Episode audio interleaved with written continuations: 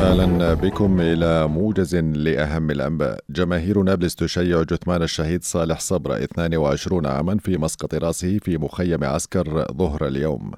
وكان الشهيد صبرا استشهد فجرا عقب إصابته برصاص الاحتلال الذي اقتحم مخيم عسكر القديم والذي أدى أيضا إلى إصابة شاب آخر بجراح متوسطة نقل على إثرها إلى المستشفى لتلقي العلاج. هذا وأصيب شابان بالرصاص المعدني المغلف بالمطاط وعشرات المواطنين بالاختناق بالغاز السام خلال مواجهات مع قوات الاحتلال في بلدة بيت أمر شمال الخليل. اعتقلت قوات الاحتلال نحو عشرة مواطنين عقب اقتحامها لعدة مدن وقرى في الضفة فجر اليوم ونقلتهم إلى جهة غير معلومة. إلى ذلك أصيب عدد من المواطنين بحالات اختناق خلال مواجهات مع جنود الاحتلال شهدتها بلدة عارورة غرب رام الله فجر اليوم. كما وتواصل قوات الاحتلال لليوم الثالث على التوالي إغلاق مداخل قرية المغير شمال شرق رام الله بالحواجز العسكرية وتعيق هذه القوات حركة تنقل المواطنين أثناء تنقلهم من وإلى القرية. شرطة الاحتلال في القدس تستعد لحماية مسيرة الإعلام الاستفزازية المقرر إجراؤها الخميس المقبل من قبل المتطرفين. وذكرت مصادر أن الوزير الإسرائيلي المتطرف بن كفير سيشارك في هذه المسيرة الاستفزازية.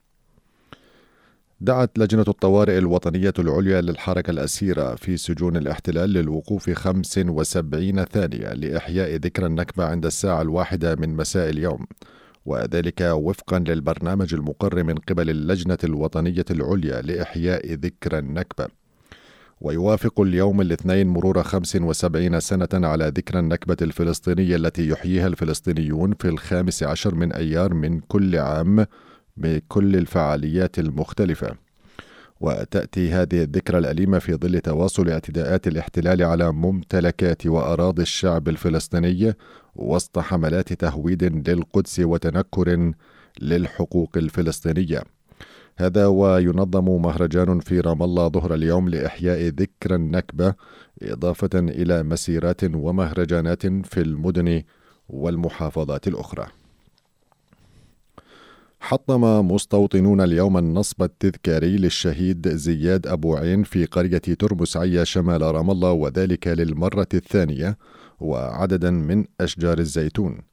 وأفاد رئيس بلدية ترمس عيا لافي أديب بأن عددا من المستوطنين تسللوا في ساعة مبكرة من صباح اليوم من مستوطنة شيلو المقامة على أراضي المواطنين هناك تجاه النصب التذكاري وقاموا بتحطيمه قبل أن يفروا من المكان. أخيرا الرئيس محمود عباس يلقي اليوم خطابا في الفعالية الرسمية التي تنظمها الأمم المتحدة في مقرها في نيويورك إحياء للذكرى الخامسة والسبعين للنكبة وذلك لأول مرة منذ عام ثمانية وأربعين. إلى حالة الطقس. فايبرها giga fiber اكشنها بسرعة اكبر نتك من بالتل اختار giga fiber انت fiber انت ربحان. اليوم يطرأ ارتفاع ملموس على درجات الحرارة لتصبح أعلى من معدلها السنوي العام بحدود أربع درجات مئوية. يوم غد الثلاثاء يكون الجو صافيا بوجه عام ويطرأ ارتفاع ملموس آخر على درجات الحرارة.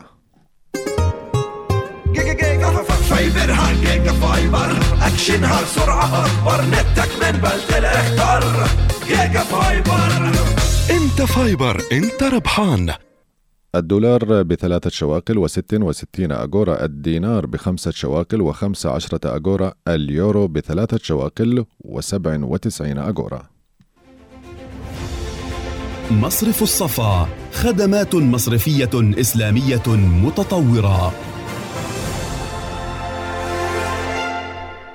انتهى الموجز قرأه على حضراتكم مراد السبع وهذه دعوة للاستماع لكافة نشراتنا الإخبارية عبر بودكاست أجيال على موقعنا الإلكتروني arn.ps إلى اللقاء.